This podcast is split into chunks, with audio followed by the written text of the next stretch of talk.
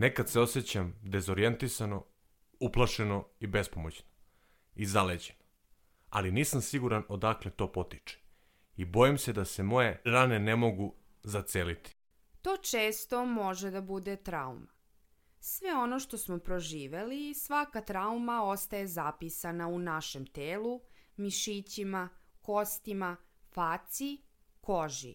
Jer ono što naš mozak ne zapamti, telo zapiše. No, uz dostupnost osoba od poverenja i stručnjaka za mentalno zdravlje, rane koje imamo možemo da zalečimo. UNICEF-ova studija istraživanja pokazala je da su negativne iskustva iz detinjstva okarakterisana kao traumatična životna iskustva koje se događaju pre 18. godine, a koje ostavljaju posledice kod osoba kada odrastu. Jedan od podataka istraživanja je da na svaki 100 odraslih osoba u Srbiji oko 70 njih je više puta iskusilo barem jedan od oblika negativnog iskustva tokom detinjstva, a oko 20 njih je iskustilo četiri ili više oblika.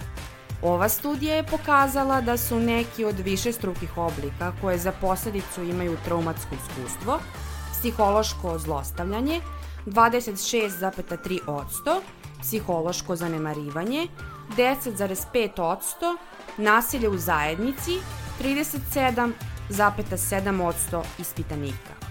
U razvojnom dobu često nailazimo na zid ili neadekvatne reakcije i odgovore na naše psihološke i fiziološke potrebe.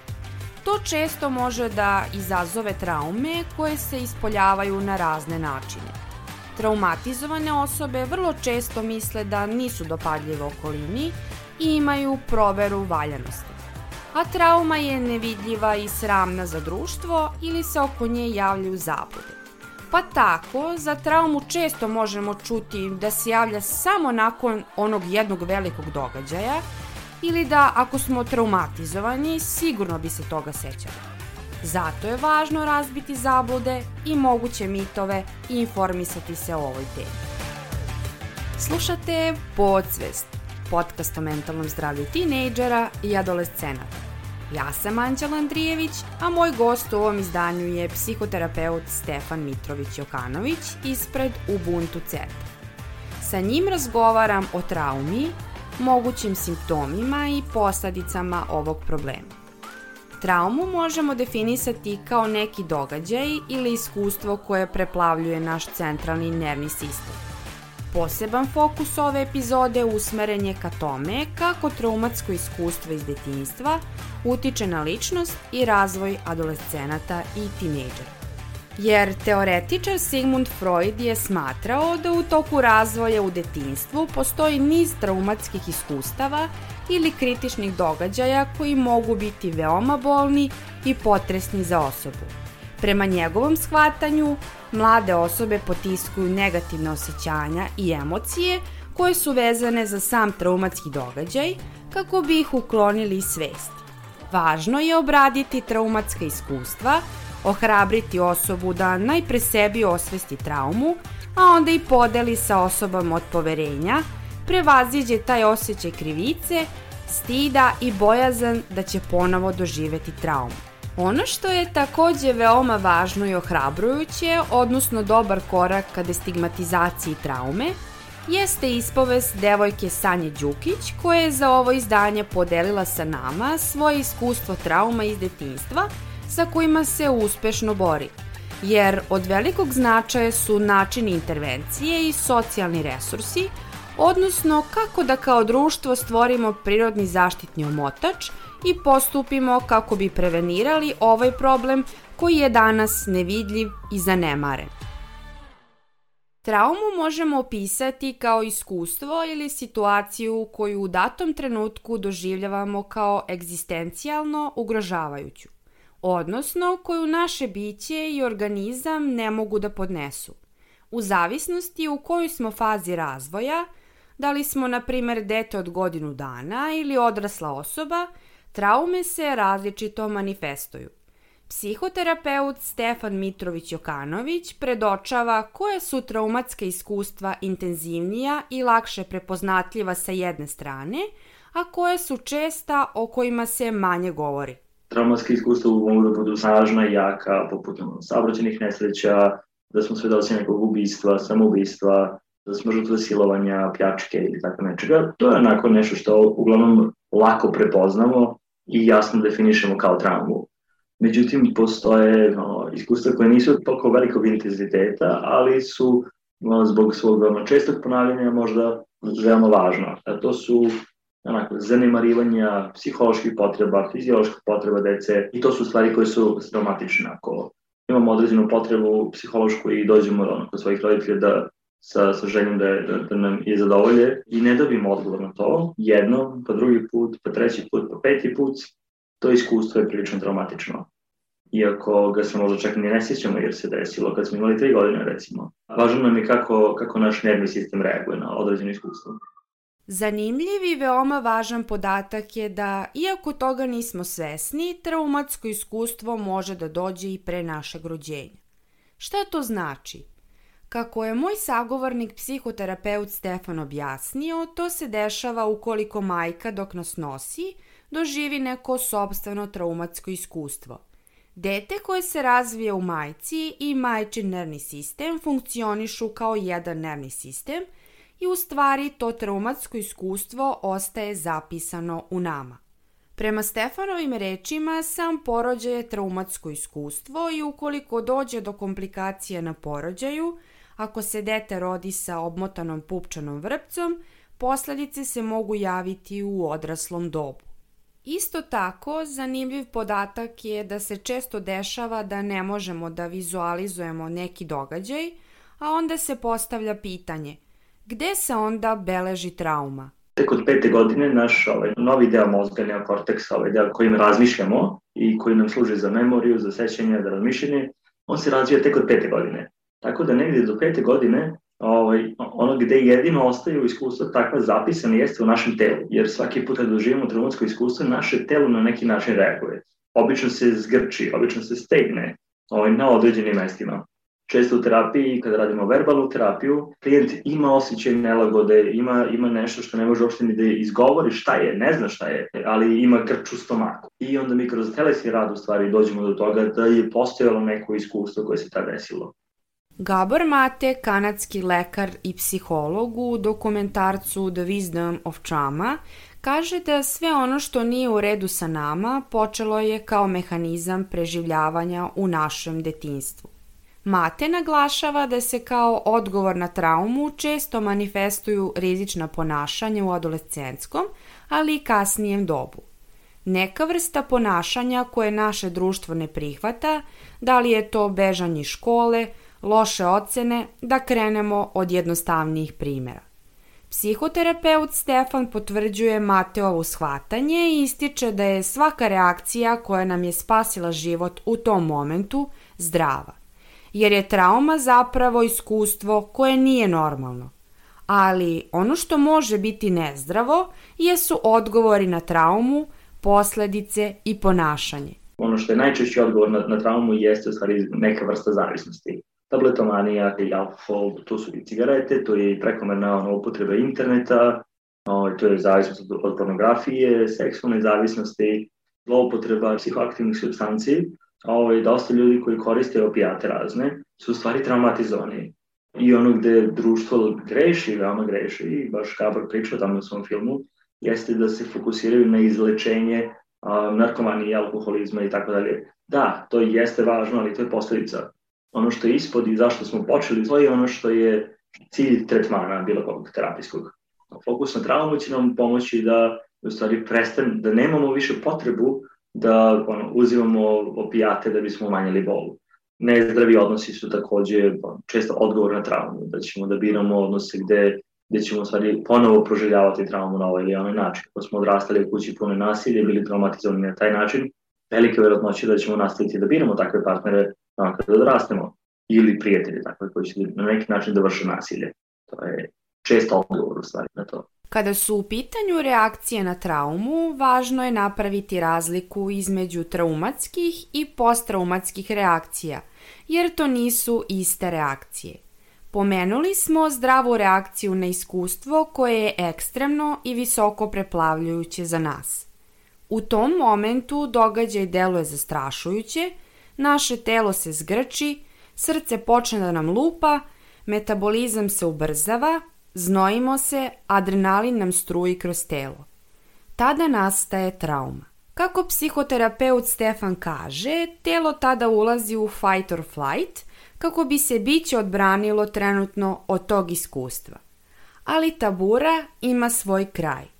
Međutim, koja reakcija bi sa druge strane bila patološka i do koje opasnosti dolazi, zašto se naše telo u nekim situacijama ponovo traumatizuje, kako da se sa tim izborimo, objašnjava psihoterapeut Stefan Mitrović Jokanović. Kada je to traumatsko iskustvo toliko jako da naš ego nije mogao da iznese to iskustvo u tom momentu, ono što može da se desi jeste da dođe do razvijenja posttraumatskog stresnog poremećaja, a to je da kada svaki sledeći put budemo u takvoj ili sličnoj situaciji, nam se okine sličan mehanizam kao da je trauma zaista ponovo tu pred nama. To se najčešće dešava negdje u situacijama u stvari kada počnemo da se opuštamo i da puštamo kontrolu. Tada se javljaju često panični napadi, isto onako telesne reakcije koje je reakcija iz dubokog straha. Možemo da ležimo, tamo smo krenuli da spavamo, tamo da utonemo u san, počinjemo na prijatnost, u tom momentu počinjemo da sanjamo ono, saobraću nesreću koju smo proživali okrećemo se u automobilu i u tom momentu naše telo ponovo sebe traumatizuje i ponovo u stvari ono, dobije priliku da proživi tu traumatsku ono, reakciju. Telo ponovo proverava da li mi imamo kapacitet da iznesemo to. I ako ostanemo sa istim kapacitetima ili manjim, šansa da ćemo moći da prevaziđemo tu traumu je dosta manja. Kroz psihoterapiju, kroz vežbe, meditacije, relaksacije, ali vođene, gde preporučuje se sami da to radimo, ovaj, da ojačamo u stvari svoje telo, svoju psihu, da sledeći put kada se to javi mi možemo da ponesemo tu traumu u stvari. Posttraumatska stresna reakcija je tu da u stvari ponovo rekreira taj događaj gde mi napokon možemo da savladamo to. Ispod traumatizovane osobe prema Mateu postoji zdrav pojedinac koji nikad nije dao svoj odraz životu jer mu nikada nije dato da izrazi svoju autentičnost a autentičnost je, kako on kaže, veza sa nama samima. Ono što je često prisutno je razvojna trauma. Tokom odrastanja u različitim periodima života imamo različite potrebe i ono što nam je bitno je povratni odgovor na te potrebe. Pođemo od jednostavnog primjera koji nailazi na nerazumevanje, kako kaže Stefan, kada recimo tinejdžeri počnu da nose martine, široke pantalone, da se farbaju, beže sa časova. Iako su to negde normalni odgovori na razvojnu situaciju, jer tu u stvari vežbamo taj neki razvojni bunt. Zatim, od malena nas uče da ako smo devojčice nije lepo da se ljutimo i da budemo besne. Ili ako smo dečaci da plakanjem i tugom pokazujemo slabost – kao da smo primorani da većinu zdravih i neophodnih osjećanja koje treba da vežbamo da isplivaju, zapravo potiskujemo. Možda zvuči smešno ili banalno, ali sigurno se sećate onog dela kada odgurnete hranu jer procenjujete da ste dovoljno jeli. A šta se zapravo krije iza ovog primera, kao i koje su posledice trauma iz detinstva u kasnijem dobu moguće, pored disregulacije emocija, objašnjava psihoterapeut Stefan. Ako roditelji me natira dalje da jedem, ja tu učim u stvari da ne treba sebi da verujem da sam sit, nego mama zna da sam, da li sam ja sit ili nisam. I onda kada odrastem, ovaj, neću znati sam da prepoznam svoje potrebe i neću verovati sebi i iz tačke nepoverenja prema sebi i prosto dozvoljavam drugim ljudima da se obhode na ovaj ili onaj način. Ljudi prelaze naše granice, što je jedan od dobrih pokazatelja kada ne znamo da poštujemo svoje granice sobstvene, da smo traumatizovani negde. Ljutnja je nužna da bismo postavili zdrave granice. Zdrave granice su tu da sa sigurne distance možemo da volimo i sebe i drugu osobu. Ako su nas zanemarivali roditelji, onda ćemo birati partnere možda koji neće se posvetiti nama i našim potrebama često kada su deca zanemarivana na takav način preuzmu odgovornost da oni zbrinjavaju druge ljude i onda u stvari daju drugim ljudima ono što je njima potrebno i biraju onda takve partnere koji im ne vraćaju zbrinjavanje, a ono traže njih da izbrinu. Tako da neminovno je da će na neki način da utiče no, naša trauma u odraslom dobu, Samo je pitanje do kog stepena će to biti štetno, do kog stepena treba to da popravimo, da bismo bolje funkcionisali. U grupi na Facebooku javila mi se devojka koja je doživela traume u detinstvu. Sada radi na sebi kako bi ih prevazišla, ali i destigmatizovala ovaj problem, pomogla drugima. Njeno ime je Sanja Đukić, a poslušajmo njenu priču. Porodično nasilje, seksualne traume, toksične veze, vršnjačko nasilje, depresija, anksioznost, napadi panike, sve su deo mog spiska trauma. U šali, ponekad u sebi pomislim da sam ih skupljala umesto poke lopti. Moje detinjstvo mogu najbolje opisati u tri reči. Strah, otuđenost, strepnja. Prva uspomena koja se seće jeste žestoka svađa između mame i tate gde sam čula najgore moguće psovke koje neko može zamisliti i mamu koja je imala cevčicu u nosu na koje je disala nedeljama posle toga. Sećam se i kada sam uskočila među njih ne znajući šta drugo da radim, kada me je tata bacio na krevet. To je bio prvi i poslednji put da je mene pipnuo. To isto tako bio poslednji put da sam uskočila. Svaki put nakon tog, a bilo ih je pregršt, samo zaledila i isključila. Moji roditelji nisu mogli ni s drugim, a ni sa samima sobom. Ja sam tu bila sunđer koji je sve to upijao i tako godinama. Dete, koje je trebalo da ako ništa drugo bude makar zaštićeno i sigurno, to nije bilo. Bila sam jako stiljivo i plašljivo dete. Već u vrtiću sam postala meta agresivne dece. Noćne more i strahovi su bili sastavni deo mog odrastanja. Na sve to, hronični problem sa ušima i nosem zbog kojih sam bila vrlo često ili na terapijama ili u bolnicama, još su me više činili otuđenom. Osjećala sam krivicu zbog toga što moji roditelji, pored sobstvenih demona, moraju da se bore sa mojim zdravstvenim problemima. Osjećala sam se kao da sam ja svojim roditeljima bila roditelj. Nikada istinski nisu imali vremena niti resurse da me upoznaju. Znate kada kažu da vas samo vaše najbliže istinski poznaju? Šta ćemo mi sa kojima to nije slučaj? Sama pomisao na ovo čini da se osjećate kao najusamljenija osoba na celom svetu. Imala sam samo njih, a ta kuća i taj dom nisu bili moja sigurna luka. Ja sam samo htela da imam mamu i tatu. Za traumatizovane mlade osobe okolina i spoljašnji svet mogu biti zastrašujući, ako minimiziraju poteškoće ili imaju osuđivački ton. Tu se javljaju i mitovi i zablude.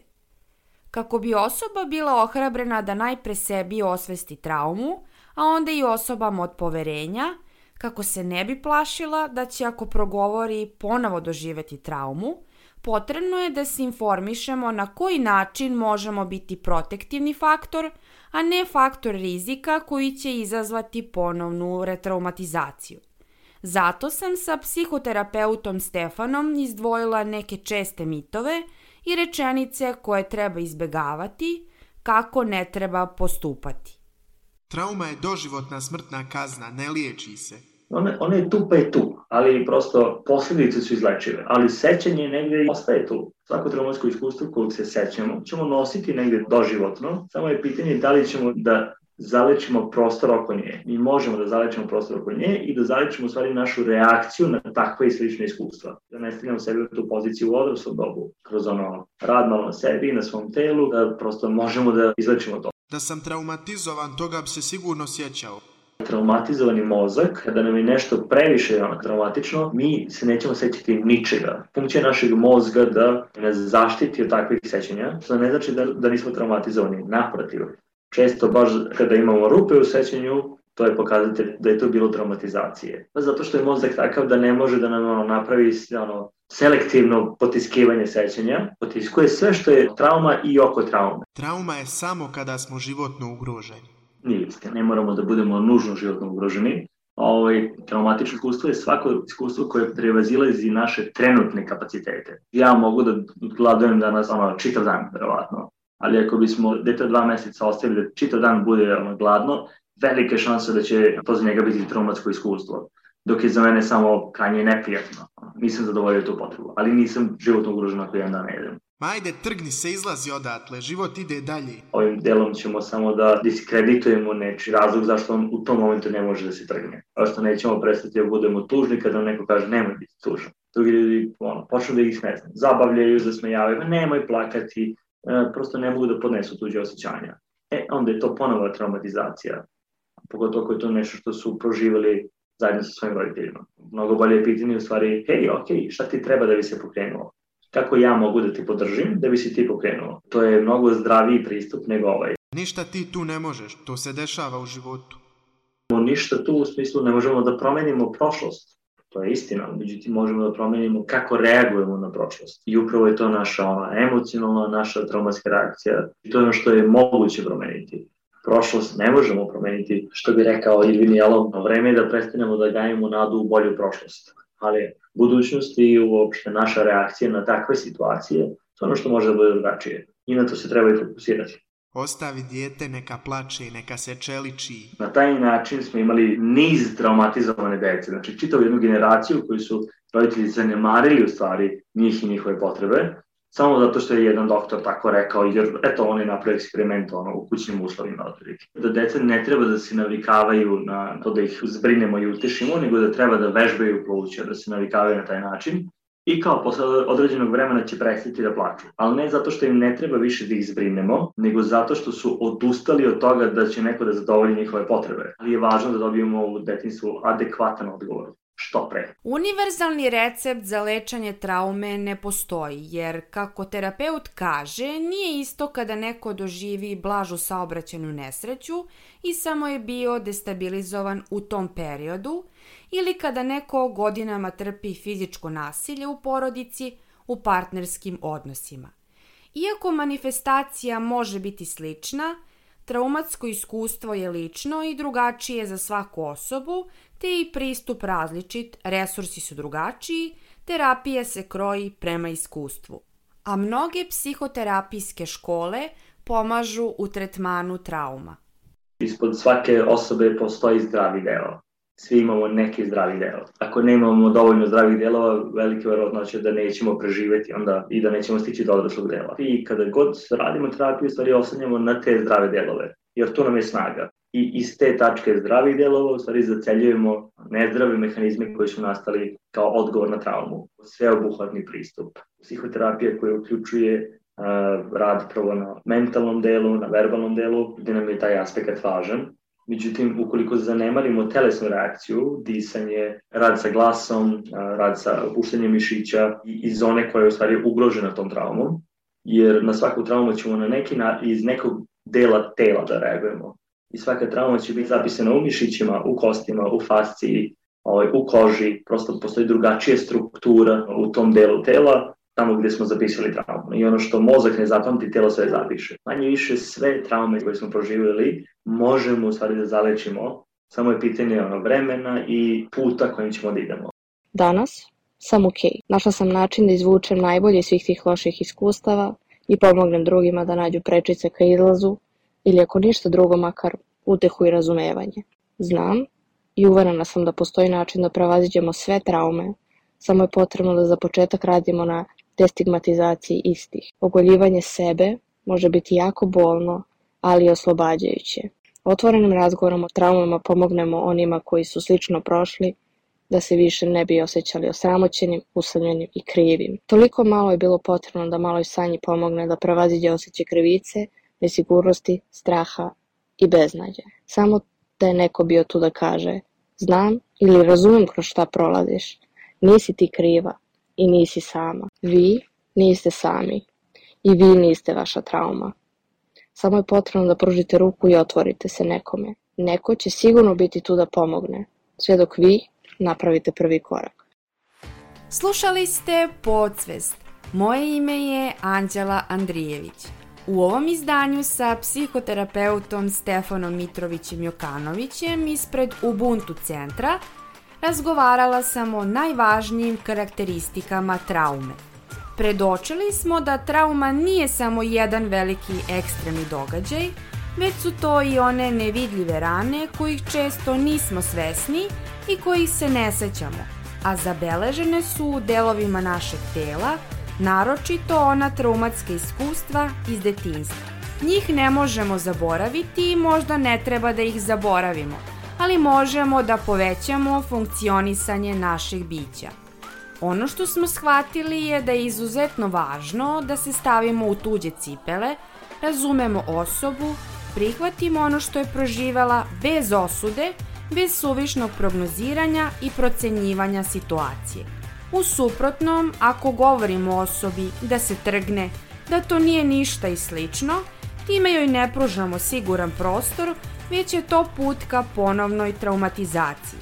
Pored tog adekvatnog i pomažućeg socijalnog odgovora na traumu i međuljudskih odnosa, ovom epizodom smo naučili da su psihoterapijski pristup, emocionalna dostupnost, dostupnost činjenica o problemu, negovanje tela kroz različite fizičke prakse, duhovne prakse, dobri koraci ka ublažavanju traume. Podsvest možete slušati na Sounder FM-u, Podcast RS-u, Google podcastu i Spotify-u. Do sledećeg osluškivanja podsvesti pokažite empatiju, stvorite siguran prostor i budite aktivni slušaoci traumatizovanih osoba i imajte na umu reči doktora Bejzela Kolka. Trauma koja je počela tamo negde sada se odigrava na bojnom polju njihovog tela – često bez svesnosti o vezi između onoga što se desilo tada i što se unutar tela dešava u ovom trenutku. Izazov nije toliko u tome da naučimo da prihvatimo strašne stvari koje su se dogodile, već da naučimo kako da povratimo kontrolu nad unutrašnjim senzacijama i emocijama. Osetiti, imenovati i prepoznati šta se dešava unutra je prvi korak ka oporavku. Produkcija Fabrika kreativnosti.